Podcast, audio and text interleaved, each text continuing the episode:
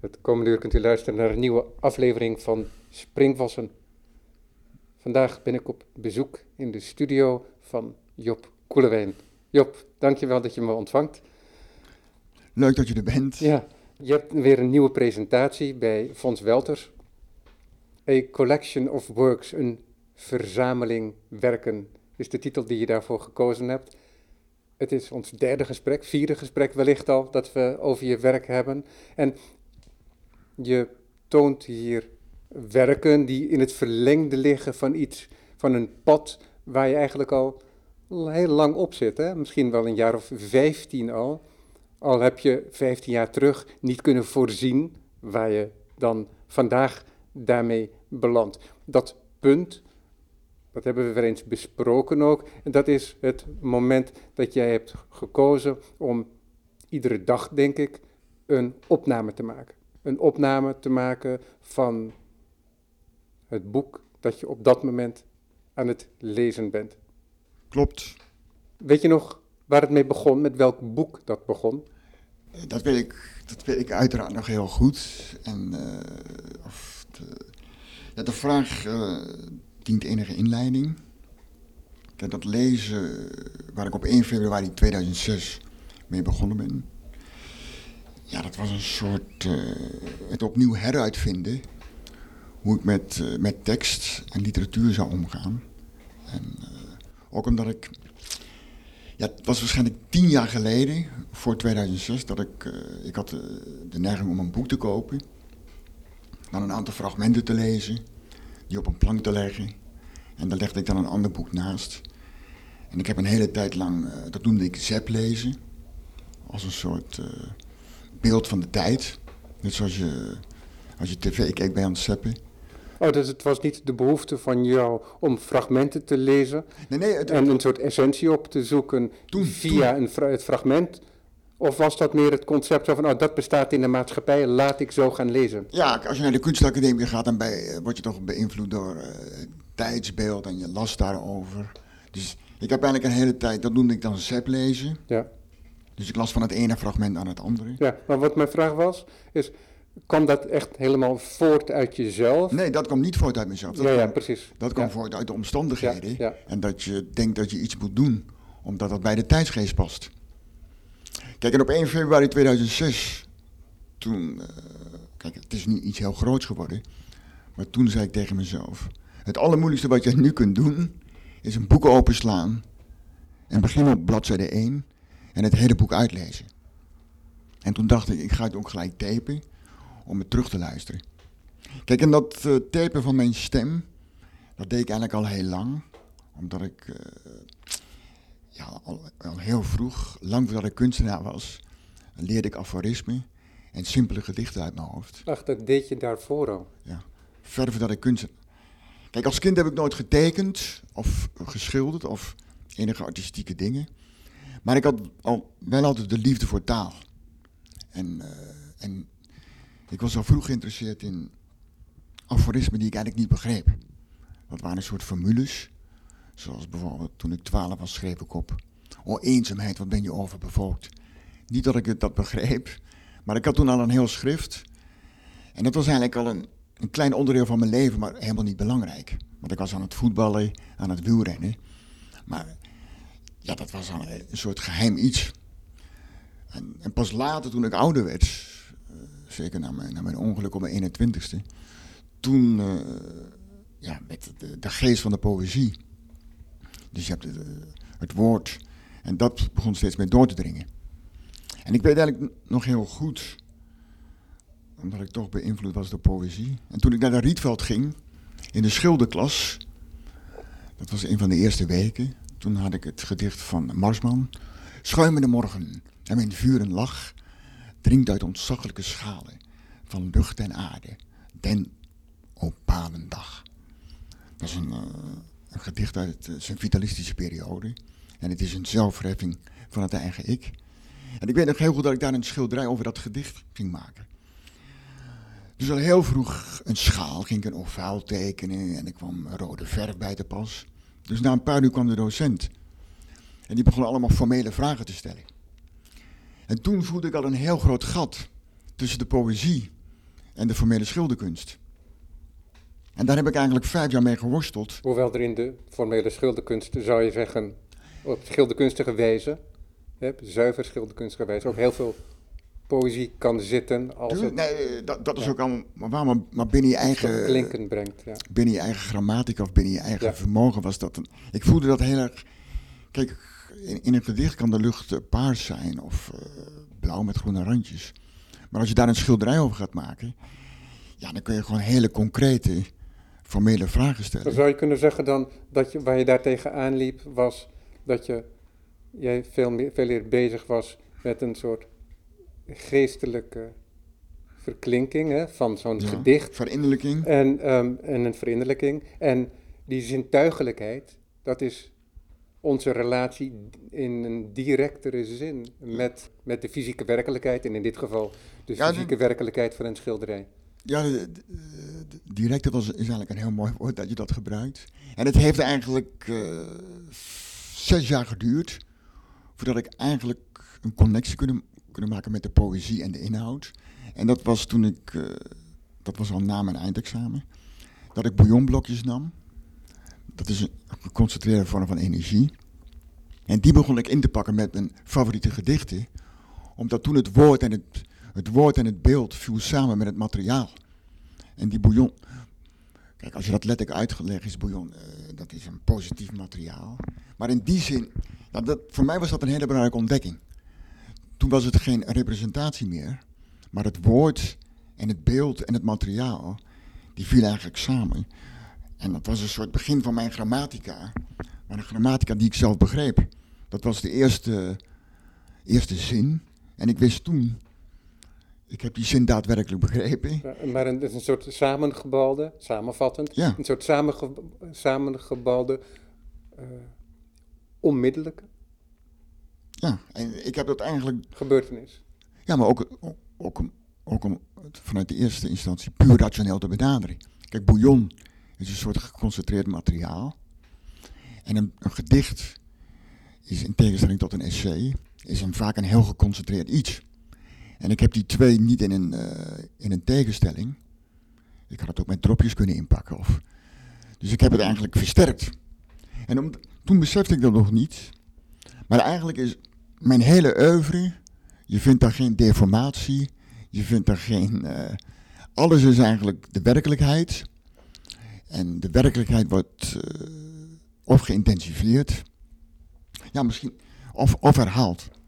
Kijk, toen ik dat Rietveld-paviljoen schoonmaakte, misschien is dat een... Ja, voor je eindexamen. Toen wist ik dat nog niet, maar ik heb mijn moeder niet laten kleuren. Ik heb ze geen stickers laten aanbrengen. Ik heb zeg maar de werkelijkheid die er was, heb ik vanuit een soort ethische... Maar ik heb die, die laten schoonmaken vanuit mijn achtergrond van mijn cultuur. Hè, vanaf een afstandje bezien door vrouwen in klederdracht. Maar dat is wel eh, onbe- eh, absoluut onderdeel van mijn eigen cultuur. Ja. En, eh, en eigenlijk, ja, ik ben nu, nu 28 jaar verder in mijn werk. En in wezen is de herhaling en de repetitie van de werkelijkheid, ja, dat is misschien wel de belangrijkste pilaar in mijn oeuvre. Ja, want er is die taal. En soms probeer je die taal zo direct mogelijk uit te drukken. Dat was ook bij je vorige tentoonstelling heel duidelijk het geval. En we hebben nu ook weer op die achtermuur, de Job Koelewijnmuur. je hebt hem ook wel eens weggehaald. In dit geval is het dan een voorzetmuur nog. Maar die muur die relateer ik eigenlijk ook altijd bij andere tentoonstellingen aan die interventie die hij ooit deed. Tuurlijk dat is je dat die een, muur eruit een, een belangrijk werk in mijn... Ja, eh, en, maar dat jij zo'n een soort rozet maakt, gemaakt van hele grote kaarten met een tekst erop. En in dit geval is de tekst die dan ook herhaald wordt in de primaire kleuren. Nou, het zijn eigenlijk de, de, de kleuren van Google. Van, van, die, van, die, van het Google-woord. Ja, ja nou ben ik de De- de- zin kwijt. Eh, be realistic, A be realistic plan for a miracle. plan for a miracle. Voilà. Be realistic, plan for a miracle. Maar dat is op een bepaalde manier wel een soort samenvatting. Hè, als je het mirakel op een bepaalde manier als een moment wil lezen waarin je geraakt wordt door iets wat je misschien als een dieper inzicht zou kunnen benoemen. En die realiteit is dan ook de realiteit van het object dat jij maakt. Want waar ik eerder op zinspeelde is wel dat jij weliswaar met die vergeestelijking bezig bent, met het hoofd en de mogelijkheid om inzichten te verwerven over onze werkelijkheid, ons eigen leven. Dat jij er ook altijd een beeld bij maakt, van maakt, moet ik eigenlijk zeggen. Absoluut, absoluut. Ja. Nee, kijk, ik ben natuurlijk eh, beeldend kunstenaar en met een, met een mooi woord zou je mijn, uh, mijn omgang met tekst, dat zou je met een mooi woord verticaliteit kunnen noemen. Dus die tekst Be More Specific, of uh, het, uh, Be Realistic Plan for a Miracle. Dat is uh, een van de mantra's. Ik heb nog een aantal mantra's. Kijk, in de mantra of een tekst, een zinrijke spreuk of een aforisme, krijgt eigenlijk alleen betekenis als je die continu herhaalt. Dus uh, de tekst waar je dus aan refereert bij Fons. Maar als je die voortdurend herhaalt in volledig in bewustzijn en concentratie. Ja, want het gaat niet om een gedachteloos herhalen. Nee, nee. kijk, de, de, mantra's die je als, als mens zou moeten kiezen, die, ja, die zouden betekenis moeten hebben voor je eigen leven. Anders, anders ga je bijvoorbeeld uit van ironie of van cynisme.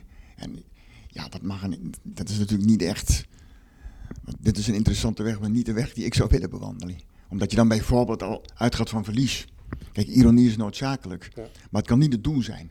Paul Valéry, die ik graag lees, die heeft daar wel eens over gezegd: Ik wil me de gedachten van de ander, die wil ik me meester maken. Ik wil hem zelf denken. Kijk, als jij een idee hebt en ik herhaal dat idee, ja, dan gebeurt er eigenlijk nog niks. Maar er gebeurt pas wat als ik dat idee helemaal belichaam. Als ik het helemaal eigen heb gemaakt. Jouw idee wordt mijn idee. De boeddhisten noemen dat met een mooi woord uh, witnessen or identifying. Kijk, als jij een tekst leest, dan kun je daar getuigenis van afleggen. Ik heb het gelezen. Maar om je ermee te identificeren, ja, dat is natuurlijk, een, dan zit je op een heel ander niveau. En, uh, maar goed, vanaf uh, waar ik net aan refereerde, die bouillonblokjes, daar heb ik een aantal wanden mee bekleed. Kijk, en toen viel het woord en het beeld viel samen in, het werk. En het was ook esthetisch, er zat inhoud achter. En vanaf dat moment zijn alle tekstwerken, soms zitten twee of drie jaar tussen, maar in alle tekstwerken valt het woord en het beeld valt samen. Het is congruent. En het is ook logisch, omdat ik, ja, dat, dat is zo'n wezenlijk onderdeel van mijn leven. Daar ben ik 24, 24 keer 7 uur mee bezig. Maar het is niet iets wat ik, ja, wat eigenlijk veel meer ontstaat. Kijk, op de academie of in het begin bij aan het trekken aan de kunstboom. Maar nu, de laatste tien jaar, ja, komen, komen die werken er uh, op souplesse uit. Mits ik mezelf dat, je moet jezelf dat natuurlijk ook toestaan. Maar het woord en beeld vallen in al mijn tekstwerken vallen samen. Ja, je zou kunnen zeggen dat daar nog wel een, verschillende paden zijn. Want de, de mandala die ik zojuist beschreef, met die tekst, met in de Google kleuren, die heeft bijna geen materiaal meer. Het zijn sporen. Ja, ja. Het zijn sporen. Ook al bestaan de kaarten op basis waarvan ze gemaakt zijn ook, maar wat er in de galerie te zien is van dat werk, dat heeft bijna geen materialiteit. En anderzijds is het ook zo dat je juist die confrontatie aangaat met de materialiteit. En in dit geval is het zo dat je een ouder uh, werk presenteert in de vorm van de opnames met de cassettebandjes en de boeken. En dat is een soort relief. Maar tegelijkertijd heb je er ook een nieuwe variant op gemaakt. Het woord variant is wel op zijn plaats in dit geval, denk ik. Tuurlijk. En dat is in de vorm van, je zou kunnen zeggen, een Apple notebook. Absoluut. Een laptop, moet ik zeggen. Dat is een soort dubbel tablet met de speellijst, zou je kunnen zeggen. De boeken, titels, uh, duur en wellicht ook de datum, denk ik. En de data. Ja, en waar normaal gesproken het klavier is van de computer, daar zijn de digitale opnames. En dat is een object van metaal dat je zelf maakt. Mhm. Ja, want je zou kunnen zeggen, dat besteed ik uit, want dat is metaalbewerking, dat is toch weer Nee, een, nee, het een- is- een specialisme. Maar jij bent Nee, nee, dat pad opgegaan om dat zelf te gaan doen. nee, nee, als je, eh, ik, ik heb mijn werk goed gedaan als je denkt dat het van metaal is. Want dat is eh, technisch, technisch is dat een moeilijk procedé en ook enorm kostbaar Ja. om dit van eh, aluminium te maken. Dus eh, in wezen is het MDF, Ach, dat is in laagjes opgelijmd. you got me there. En het is, het is eigenlijk ook een eh, illusionair. Dus Ja. het- de stickies zijn wel van aluminium. Maar dat is natuurlijk, eh, er zit een soort eh, schilderkunstig illusionair aspect in. Maar kijk, jij zegt you got me there, maar je voelt je niet bedrogen. Je denkt Nee, niet, je denkt niet van de kunstenaar. Nee. Hoewel maar dat of, is, of nee, maar schoon dat is. iets, heel, heel, heel belangrijks wat ik daar zeg. Ik weet nog heel goed, toen ik naar de Rietveld ging, en je, dat was in, eh, ik ben in 92, dus het was van 87 tot 92. En misschien was het een beetje gekleurd door sentiment, maar dat was een beetje de hoogtijdagen van het postmodernisme. En ik weet verschillende keren dat ik toen een tentoonstelling bezocht. En dan zag je bijvoorbeeld een materiaal. Dan zag je een steen in een museum liggen. Daar liep je dan naartoe. En die steen die was dan van kunststof gemaakt. Omdat het... Ja, we leven nu in het simulacrum. Alles was nep. En kijk, en ik door mijn ervaring van het ongeluk en door de, de werkelijkheid, ik voelde me een beetje bedrogen. Dus ik was heel vaak boos. En ik zeg, ja, dat soort kunst wil ik niet maken. Ja. ja, er werden heel veel ehm, marmer gemaakt. wat- Van- van kunst. wat- van, van kunstmaterialen. En, Dus ik ben wel bezig met het transformeren van materiaal. En eh, daarmee zet ik de toeschouwer vaak ook op het verkeerde been. maar dat volgde ook iets op een moment in de kunstgeschiedenis waarin materiaal echtheid eh, bijna leidend was. Hè? Vanuit het minimalisme. Ja. Eh, schilderkunst moest over de schilderkunst gaan en over de verf en het doek en de bindmiddelen van mijn part. En alles moest een soort ultieme ehm, eerlijkheid hebben. Hè? Als je dat woord eraan zou willen Ja. verbinden aan, aan die materiaaltrouwheid. En het onderzoek dan, zoals dat dan heet, ook van het materiaal in Ja, hedendaagse termen. En het moment dat jij dan zo'n notebook lijkt te maken van metaal en dat blijkt het niet te zijn, dan refereert dat voor mij ook daaraan. En dat geeft je ook eigenlijk aan in de tijd waaraan je refereert eh, op de academie. Want tegelijkertijd gaat het verder. Hè. Het heeft niet alleen die zilververf die erop zit, de aluminiumverf. Maar tegelijkertijd is het ook zo dat het branden van de freesmachine, Ja? die ehm, maar lijkt ook net alsof er inderdaad, alsof het met hele zware wrijving tot stand is, Ja, tot de stand is gekomen. Tuurlijk, zit Maar zelfs die wrijving is dan in zekere zin een illusie. Terwijl ik die wrijving en de sporen daarvan, want ik dacht, oh, hij had het ook kunnen polijsten. En toen, hè, om je mee te nemen in mijn gedachten, ik, wellicht heeft hij dat niet gedaan om te tonen dat het niet zomaar tot stand komt, die opnames. Hè, het is Nee. ehm, met, door wilskracht verkregen in ouderwetse termen. Nou ja, kijk, eh, een groot deel van mijn werk, als je mijn werk koopt, of je ziet dan de handeling. Dus dat boekenpaneel met die cassettebandjes, je ziet de handeling elke dag. Dus je kunt eigenlijk de handelingen, heel veel van mijn werk, kun je de handelingen traceren.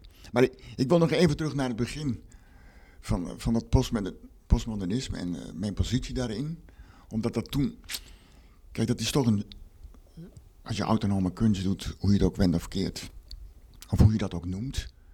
Het is toch een zoektocht naar de identiteit. Kijk, en dan had ik, had ik vanuit de tijdsgeest gedacht, in die periode.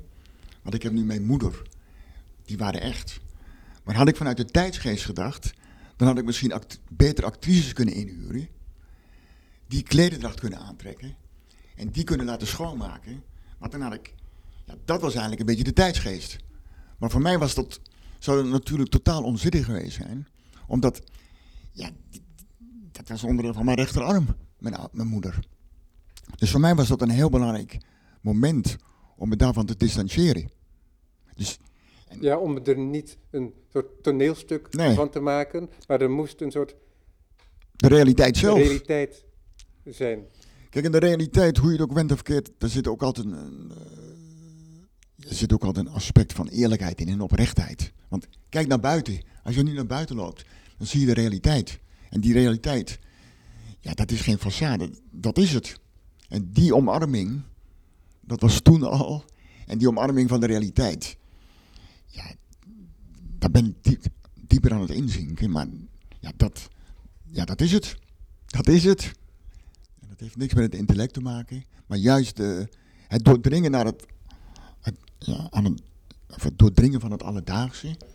Dat is ook een. Uh, ja, dat heeft iets verslavends, maar ook dat, dat is, daar zit de energie.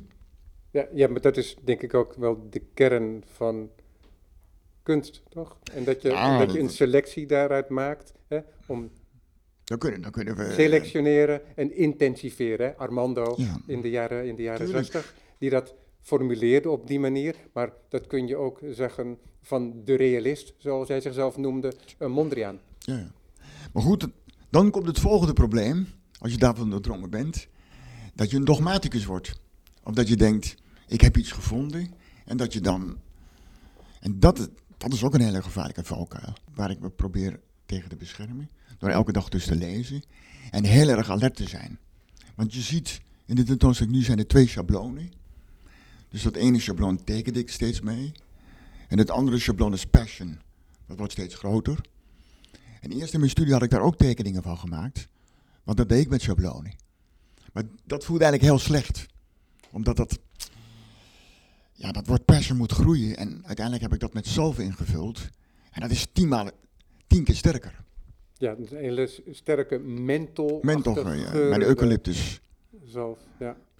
mijn geurenarsenaal is heel erg beperkt.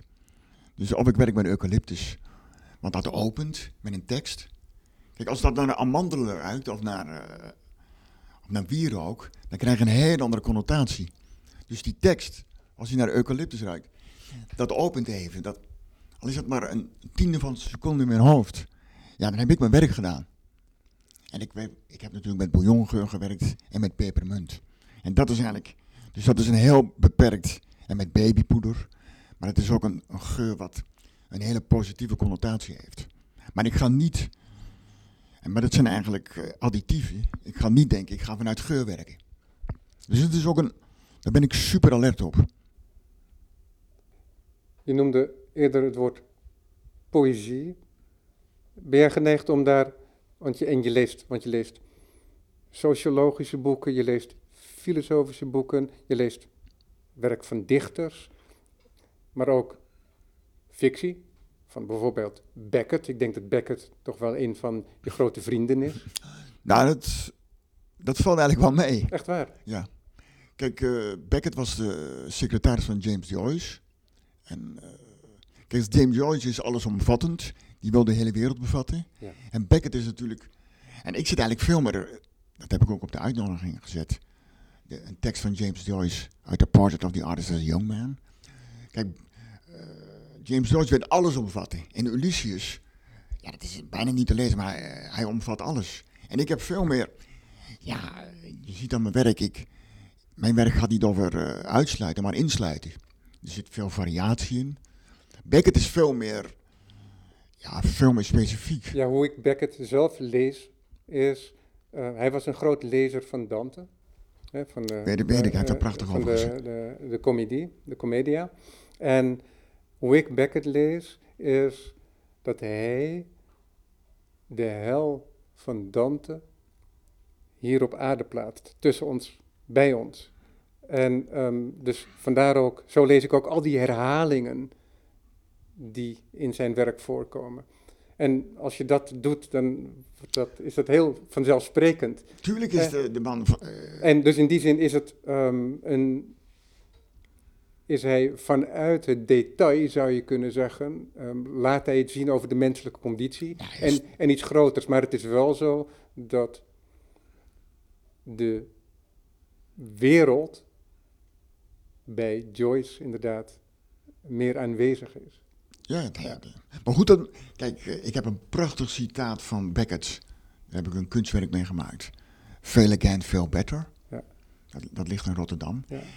Natuurlijk uit, heeft het... uit, eh, uit, uit een van zijn laatste teksten is dat. eh, um, the worst word ho, geloof ik. Ja, nou, en ik heb ook een gedicht in mijn eh, poetry account. Daar begin ik met What is the Word? Van Beckett. eh, La Dan probeert hij achter de, Ja. de derde of vierde dimensie. Nee, natuurlijk is de man... eh, ik vond het, dat aforisme van Fail Again, Feel Better... Dat is zo constructief en zo mooi. Ja. Want als, Dat is nog te zien hè, in, de, in, de, Ja, in, het, is- in, het, in, in het single. ja, In is Rotterdam. dat zit, is permanent in de collectie. Kijk, maar... eh, dat is natuurlijk... Kijk, als kunstenaar of als mens ben je steeds bezig met een soort perfectie. Ja. Even voor, de, voor het hele citaat, want hij is te mooi. Ja. Ever tried, ever failed, try again, fail again, Feel fail better. Maar hoe prettig is dat niet als je iets maakt? Want als je iets maakt, het is nooit in één keer goed. Omdat je wel geneigd bent om dat te doen. En die perfectie. Maar eh, voor mij was dat eigenlijk ook een soort omdraaiing van... Ja, als het niet lukt, nog een keer. En nog een keer. En dat is... Het kunstenaarschap is natuurlijk... Ja, dat is een attitude. Ja, ik vind, in, die zin heb ik, in die zin ben ik heel erg beïnvloed door die attitude. Want om iets... Kijk, om iets artistieks te maken of kunstzinnigs... is niet zo moeilijk. Ja, weet je wat interessant is dat jij zegt dat je door bent beïnvloed? Want hoe ik jou zie, denk ik van ja, dat, het is niet zo dat jij door dat te lezen inzicht hebt gekregen en dat je dat bent gaan invullen. Eh, je, her- je hebt iets herkend Ja, dat van is- jezelf in die uitspraak. Tuurlijk, maar dat, eh, dat, dat doet ieder mens. En kijk, vroeg of laat, je gaat dat niet, eh, heel langzaam gaat dat doordringen. En dat wordt onderdeel van je, van je, van je houding. Kijk, op mijn 18 heb ik het boek van het Taoïsme geopend, van Lao Tzu. En intuïtief voelde ik me daardoor aangetrokken. Het Tao van macht. En het zijn 81 passages, alleen maar contradicties. En dat moet je eigenlijk bij een dobbelsteen gooien. Kijk, en dat boek, dat is eigenlijk... Ik ben ook erg door het eh, veel meer dan door het bo- boeddhisme ben ik erg door het Taoïsme beïnvloed. Al die werken over tijd, als ik alleen westerse denkers, dus al die werken die ik over tijd heb gemaakt, dat is absoluut beïnvloed door boeddhistische en Taoïstische denkbeelden. Ja, en dat Taoïstische denkbeeld, denk ik, is ook een heel belangrijk instrument tegen dogmatiek.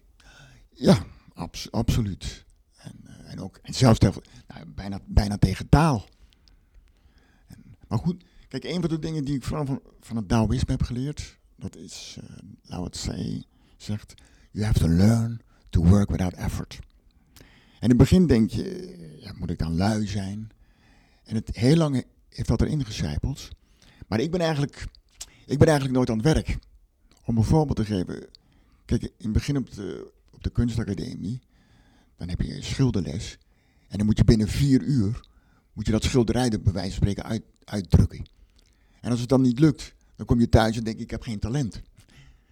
Kijk, gaandeweg het proces. Dus ik werk altijd aan zes, zeven dingen tegelijk.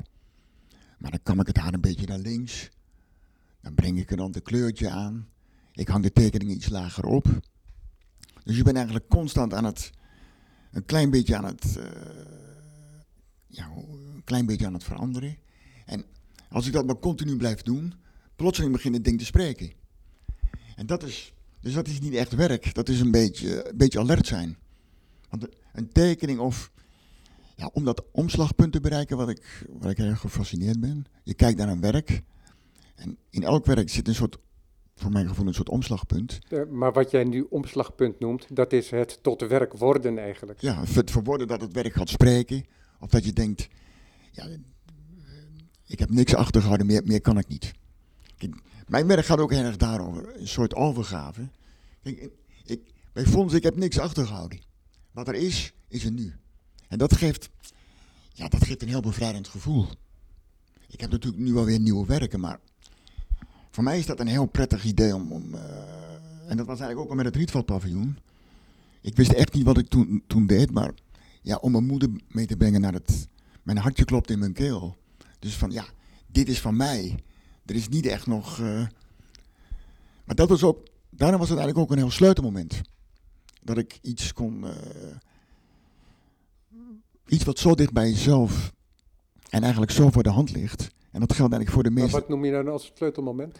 Nou, ik ben natuurlijk opgegroeid met, met klededracht. Ik ben oh natuurlijk... ja, je, je verwijst weer naar de ja, performance. dat was een heel belangrijk moment. Waarbij je moeder en je, en je tante dus, in meervoud ja. denk ik, had gevraagd om datgene te doen wat ze ook met hun eigen huizen doen. Ja. Namelijk dat mooie modernistische monument, exemplum, dat paviljoen, om dat, daarvan de ramen te lappen. Zo eenvoudig Ja, was ja. het in kleding. dat, dat, dat, dat zeg ik. Maar dat- voor mij was dat toch een, echt een, een sleutelmoment. Dat, dat ik, ik zat heel dicht bij de werkelijkheid. Het, het, was, het was iets van mezelf. Ik hoefde niet naar excuses. Maar heeft dat dan ook te maken met het feit, eh, met, dat, met die gedachte van een moeiteloosheid, dat iets goed en intensief kan zijn, terwijl het ook in die zin zo'n vanzelfsprekendheid. Tuurlijk, tuurlijk was, jou, dat, was dat een ontdekking. En natuurlijk ben ik eraan weer teruggevallen. Want tegelijkertijd is dat zo, want, want dit is een, een, een ingeving zou je kunnen zeggen die je hebt gehad. Hè? En dat tegelijkertijd is er ook heel veel werk van je dat je hebt verkregen door strijd. En dan wordt het moeilijker om die moeiteloosheid, die achterloosheid, hè, wat in de schilderkunst in traditionele zin sprezzatura wordt genoemd, om dat door te klinken in je werk. Hè? Om een, op een bepaalde manier dat gevoel dat je herkent, die houding die je herkent in de touw, om die je eigen te maken, ook in de strijd. Tuurlijk, maar dat is. eh, Kijk, als ik misschien twee momenten per jaar heb of drie. Dat ik. eh, Kijk, het, eh, kijk, het kunstenaarschap lijkt verdomd veel op echt werk. Begrijp je? Het lijkt verdomd veel op echt werk. Kijk, als ik misschien drie momenten of vier momenten in een jaar heb.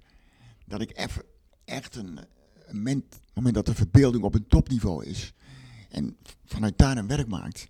Ja, ja dat is niet veel. Die- misschien is het minder dan. eh, maar dan ontstaat er weer een werk. Maar die maanden eromheen zijn ook nodig Ja, om daartoe te komen. absoluut noodzakelijk. En dat is in, dat is in principe. Ja. Ja, Je, kunt geen machine van essentie zijn die er elke dag wordt uitgegooid. Nee, dat, zo werkt het niet. Maar het is wel.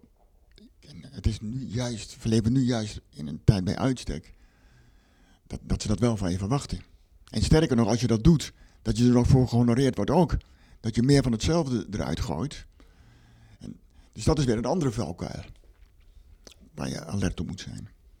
Maar in wezen is die, eh, die, die alertheid van geest. Waardoor dat lezen elke dag gestimuleerd wordt. Ja, dat is iets waar ik verslaafd aan ben geraakt. En ik kan niet meer terug. Ik kan echt niet meer terug. Ook omdat die drie kwartier lezen elke dag. Ja, het stelt in principe niks voor. Drie kwartier is niet zo lang. En Maar is alles wat je leest ook omgezet in een opname? Of is dat absoluut. Dat is, de, Ja. dat is wel de policy. Als ik een boek lees, dan wordt die onderdeel van, de, ja, van, mijn, eh, van mijn account. Dus, en dat is wel. eh, maar dat is ook. Kijk, daar zit ook al een soort overgave in. Want je doet ook aan herlezingen. Ah, nou, eh, tu- tuurlijk, terugluisteren. Maar Dat- ook aan herlezingen en dat er, wordt er dan ook weer een nieuwe opname Nee, gemaakt? ja, eh, herlezen doe ik eigenlijk. Dus ik, heb, ik lees een boek voor. En, bijvoorbeeld met Spinoza en nog. Kijk, die luister ik dan steeds terug. En ik ben nu, me- nu ben ik met. eh, Op die manier, dus dan herlees je het boek niet, maar je herluistert het boek. Ja, dat is het idee. Kijk, in het begin is dat een beetje gek dat je eigen stem luistert. Maar dat is. Ja, ik bedoel, ieder mens kijkt eh, drie keer per dag naar zijn eigen, zijn eigen gezicht. En dan schrikt hij ook niet meer, al wel. Dus het, het staat ergens ten dienste van. En wat ik eigenlijk wil zeggen, dat. eh, kijk, als, nou jij misschien niet, maar heel veel mensen, als die vanavond Nietzsche openslaan, of nog erger Immanuel Kant, of Spinoza, na twee bladzijden zullen ze pijn in hun hoofd krijgen en ze zullen het boek dichtslaan. Kijk, als jij met Messi gaat voetballen of met Ronaldo, dan weet je dat je tientallen, dat je tekort komt. En eigenlijk zijn mis, eh, dus je zou eigenlijk een soort overgave, als je na tien minuten pijn in je hoofd krijgt, dat zegt niks over, eh, over Kant of Spinoza, dat zegt iets over je eigen stomzinnigheid. En om, voor je gebrek aan, aan overgave. Dus die drie kwartier dat lezen, probeer ik mezelf weg te cijferen. En ik, eh, ik stel me in dienst van de auteur. En alleen dat moment is al super verslavend. Ja. Dat maar, ik het, ja, maar er komt hier toch iets naar voren, wat uitgedrukt moet worden, denk ik. En dat is, kijk, als je zo'n gedicht van Marsman, dat je net voordroeg, daar moet je toch enige moeite voor doen. Hè? Dat moet, je, moet het le- je moet het lezen, je moet het door je heen laten gaan. Je moet, je moet proberen om er wat van te maken. En een gedicht is nooit zomaar één ding. Het is eh, veelkleurig. En bij de ene dichter wat meer dan de andere. Want er zijn ook dichters die vrij eh, direct zijn.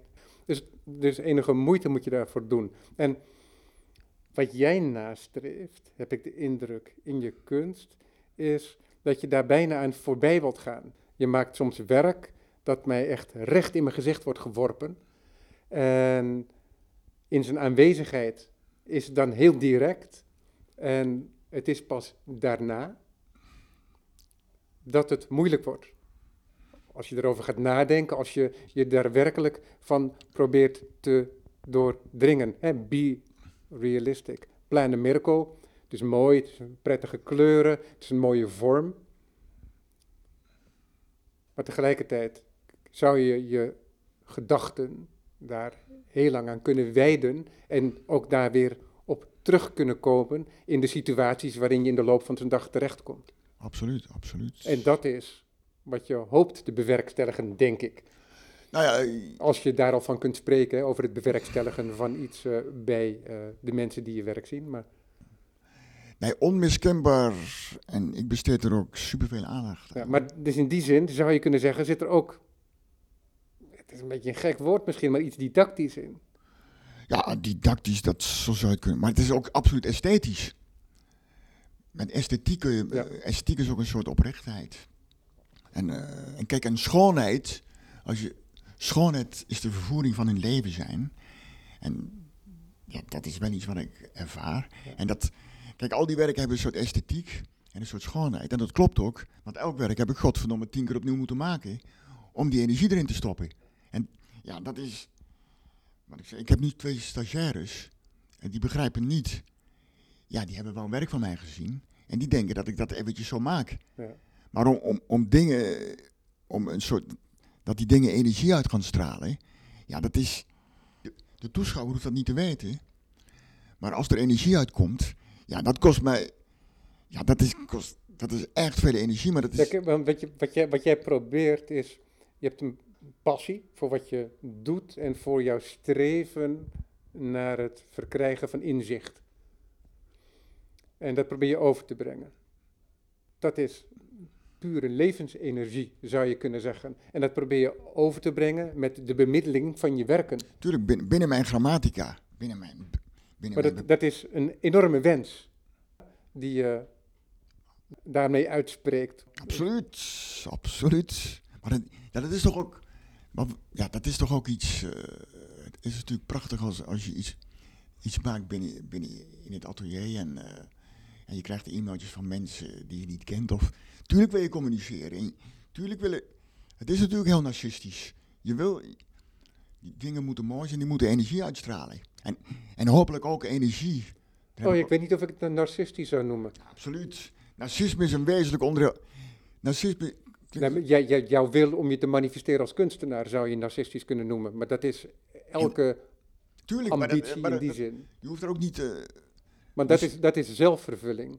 tuurlijk, of eh, kijk. En, dat, en, en dan, als je dat dan weer relateert aan die Tao, dan kom je al heel snel, loop je ergens tegenop. Ja. Omdat het niet de bedoeling is dat je jezelf belangrijker acht dan die wereld, die realiteit waarin je je bevindt. Nee, en waar maar, je slechts een onderdeel absoluut. Maar, Maar kijk, tegelijkertijd is het ook zo dat het niet narcistisch is, vind ik, omdat jij het probeert te delen.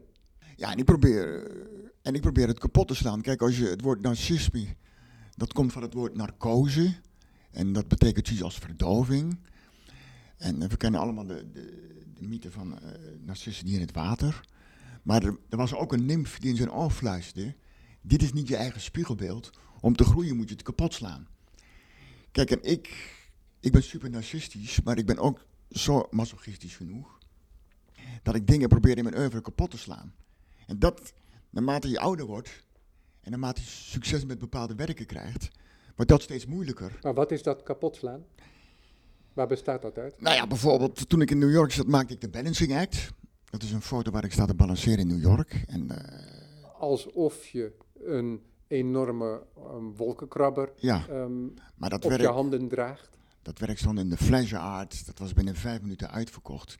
En ik kreeg echt goede aanbiedingen om dit, om dit over de hele wereld te gaan doen. Kleuren, dus eh, je hebt het nu, nu je hebt het in New York gedaan, je kan naar Tokio.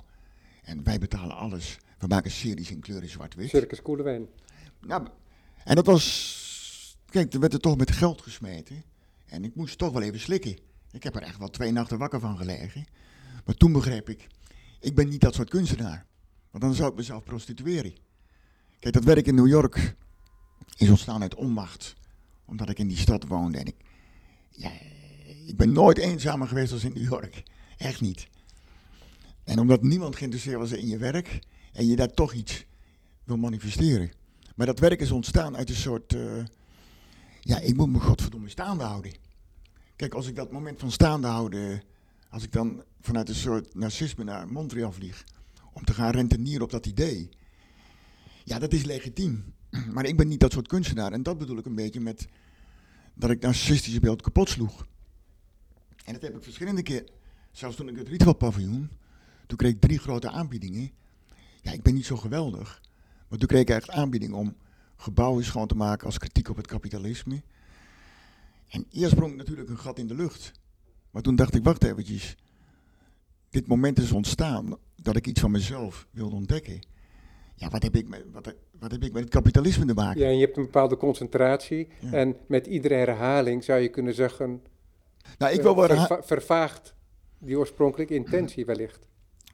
Nou kijk, ik, ik, zou, ik, heb net al gezegd dat, dat de herhaling een pilaar in mijn werk is, maar wel op mijn condities. Kijk, als ik...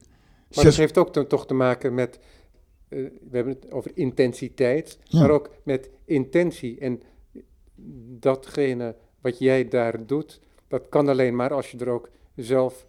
Op de, ja, ja dat spijt me dat ik het woord gebruik, maar als je er ook zelf in gelooft. Tuurlijk. Als je zelf die volledige concentratie op kunt brengen. Die concentratie waar je aan werkt, waar je aan verslaafd bent. Tuurlijk. Nee, dat, dat, kijk, dat moment zelf dat ik mijn hartje in mijn keel klopt en dat uh, ook in New York dat ik niet wist wat ik die deed en toch dat werk ontstond. Kijk, ja, dat punt, daar ben ik eigenlijk verslaafd aan. En je, maar ook aan het idee dat je het voortdurend ergens anders moet zoeken. Absoluut, ja, maar ook omdat het... Kijk, Want anders ben je, word je iets van een sportman. Kijk, omdat het, uh, het metafysische moment of het diepzinnig moment zit in alles. In een hamburger, bij de McDonald's, dat zit overal. En het is niet echt gebonden aan. En ja, dat. Kijk, ik heb natuurlijk misschien ook een beetje het geluk dat ik. Uh, want toen ik dat Rietveld paviljoen had gedaan, toen ben ik op alle postacademies afgewezen. Ik had me aangemeld. Ja, werkelijk. Ja, want ze dachten, uh, ja, dat is een soort eendagsvlieg. Die jongen heeft één goed werk gemaakt. Daar hoor je nooit meer wat van. En toen heb ik zeg maar de spiegelkubus gemaakt. Kijk, en dat is echt een werk, daar refereer ik nog dagelijks aan in mijn, in mijn werk. Is die met het, met het slotje? Nee, nee, dat, is, kan, dat, dat kan veel later. De, spiegelkubus is maar, uh, dat ik ben een bruine jas in het Oosterpark. En ik heb een houten doos bekleed met spiegels. En in de, in de spiegels zie je de, een, een, een bloem of een, een boom met first blossom met mooie witte blaadjes. Kijk, en toen wist ik uh, die verbondenheid met de natuur. Kijk, had, had je de bijkorf in die spiegelkubus gezien? Of een kapotgeschoten gebouw?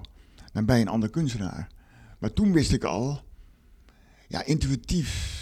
Uh, kijk, ik, ik, ben lang beademd. Dus wat, wat nou artificieel, wat nou kapitalisme? Ik bedoel, intuïtief wist ik al van, die verbondenheid met de natuur, die is vele malen sterker dan het intellect en, uh, en er is eigenlijk een prachtig moment. Ik heb dat werk toen gemaakt en het was toen eigenlijk ook een succes. En, uh, en in 2010 gaf ik een lezing in Rotterdam. En toen begon ik te vertellen over Spinoza. Toen ik, toen ik 38 was, sloeg ik het boek van Spinoza open. En ik sloeg het in één keer dicht. En toen begon ik te vertellen over Spinoza. Na afloop kwam er een man naar me toe, een architect, en die zei: Kent u de heer Wim Klever? Dat is een hoogleraar. En dat is zeg maar een uh, Spinoza-deskundige in binnen- en buitenland. Dus er werd een gesprek geregeld. Drie weken later sprak ik de man. En er was enorm veel spanning, want hij vond mij te jong voor Spinoza. Dus hij bladerde om in het boek. Zo ziet hij uh, de spiegelkubus. En toen ziet hij, ah, dit is duizend procent Spinoza. En toen zei ik, wat? Toen had ik nog nooit geen letter van de man gelezen. Toen stond hij op, omarmde hij me. Toen zei hij, dan begrijp je hem niet vanuit het intellect, maar vanuit de intuïtie. En het is duizend keer beter. Is dat niet een prachtig moment? Ja, heel mooi.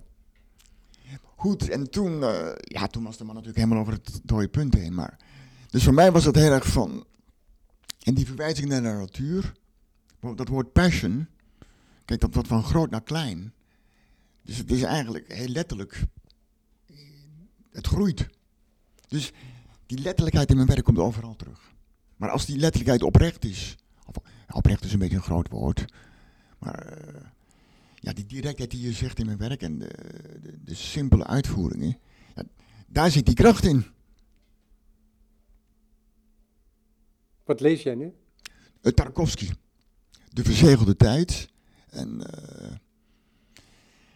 ja, kijk, dat boek, hij heeft geloof ik 15 of 20 jaar gewacht voordat hij dat boek wilde schrijven. Maar één ding doet me natuurlijk, ik ben natuurlijk ook weer een stuk verder. En zoals ik met poëzie omga, uh, Kijk, Tarkovsky heeft het stil. Tarkovsky, de, de cineast, zoon van Arsène ja, Tarkovsky, ja, de, dichter. Kijk, maar hij beschrijft een beetje, dan beschrijft hij bijvoorbeeld een, uh, een gedicht. En dan beschrijft hij daar een weerbarstige buur bij. Of een boom. Kijk, ik ben al een...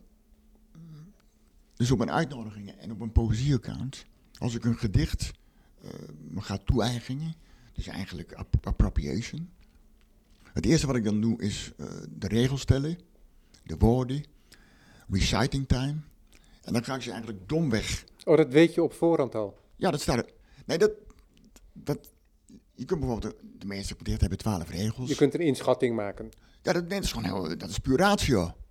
Dus elk gedicht heeft toch een andere tijd. Ik lees niet, ik, als ik een gedicht lees, hè, om je mee te nemen in mijn gedachten, dan lees ik het eerst gewoon letterlijk, als, als was het proza, heel snel.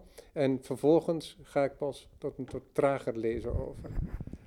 En daar zitten toch verschillende tijden aan verbonden. Ik lees het goed. Dus in die zin is die kwantificering van het lezen van een gedicht ook. Nu goed dat we elkaar spreken, want dan komt er vanaf nu een nieuwe dimensie. Als ik een poëziegedicht lees, dan lees ik het als een factuur. Begrijp je? Ik tel alle. Iedereen kan toch de woorden tellen van een gedicht? Iedereen kan de regels tellen. En als je het uit je hoofd, als je, als je het uit je hoofd gaat opzeggen, dan zal je vroeg of laat tot de conclusie komen dat sommige gedichten 43 seconden duren, sommige gedichten 2 minuten. Dus ik benader ze in eerste instantie puur vanuit de ratio. Kijk, ik weet echt wel dat er in een gedicht, dat, dat, dat daar gevoel of emotie, bla bla bla, ja, dat weet ik wel. Dat, dat zit er wel in. Maar dat ik, ze, dat ik ze factureer. En als ik ze eenmaal gefactureerd heb, dan transformeer ik ze naar mijn lange termijn geheugen. En als ze eenmaal in lange termijn geheugen zitten, ja, dan, worden net dan gaan ze energie afgeven. Dus in die zin, en Tarkovsky heeft het voortdurend, ja, ik ben nu, had ik het op mijn twintigste gelezen, maar hij heeft het voortdurend over dat soort momenten.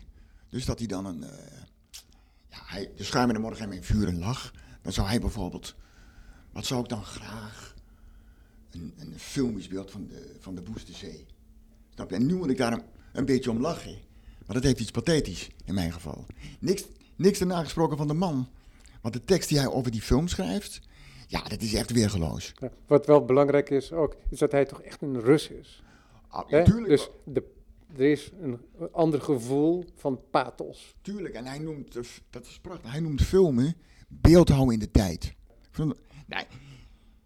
Kijk, het is natuurlijk zo, ik, ik lees boeken, ik hoef, die, eh, ik hoef het natuurlijk niet met iedereen eens te zijn, maar door die overgave, uh, ja, hij zegt echt, ja, hij zegt echt fantastische dingen. Je ziet ook dat dat, de man, ja, hij heeft ook 15 of 20 jaar gewacht om die dingen op te schrijven. En dat voel je in elke regel. Dat dat niet hij heeft, hij heeft dat niet op verzoek gedaan. Nee, het is echt een, een, door, een doorleefde cineast die schrijft over cinema daar. Kijk, en als je elke dag, zoals ik, ik ben een getraind lezer. En als je elke dag leest, daarom heb ik heel vaak moeite met romans. Omdat een, romanschrijver, kijk, stel, ja, die kan, stel, een romanschrijver, die zit de hele week te schrijven. En die komt op, in het weekend terug bij zijn vrouw. Dan kan hij toch moeilijk zeggen, ja, ik heb twee regels geschreven. En zegt, nee, Vandaag heb ik wel zes bladzijden geschreven. Dus heel veel romans, dat, ja, die zijn eh, energie aan eh, interieur. Ja, nee, maar dat is waar. Want ik, ik heb, onlangs heb ik bijvoorbeeld Portrait of the Artist as a Young Man gelezen van James Joyce.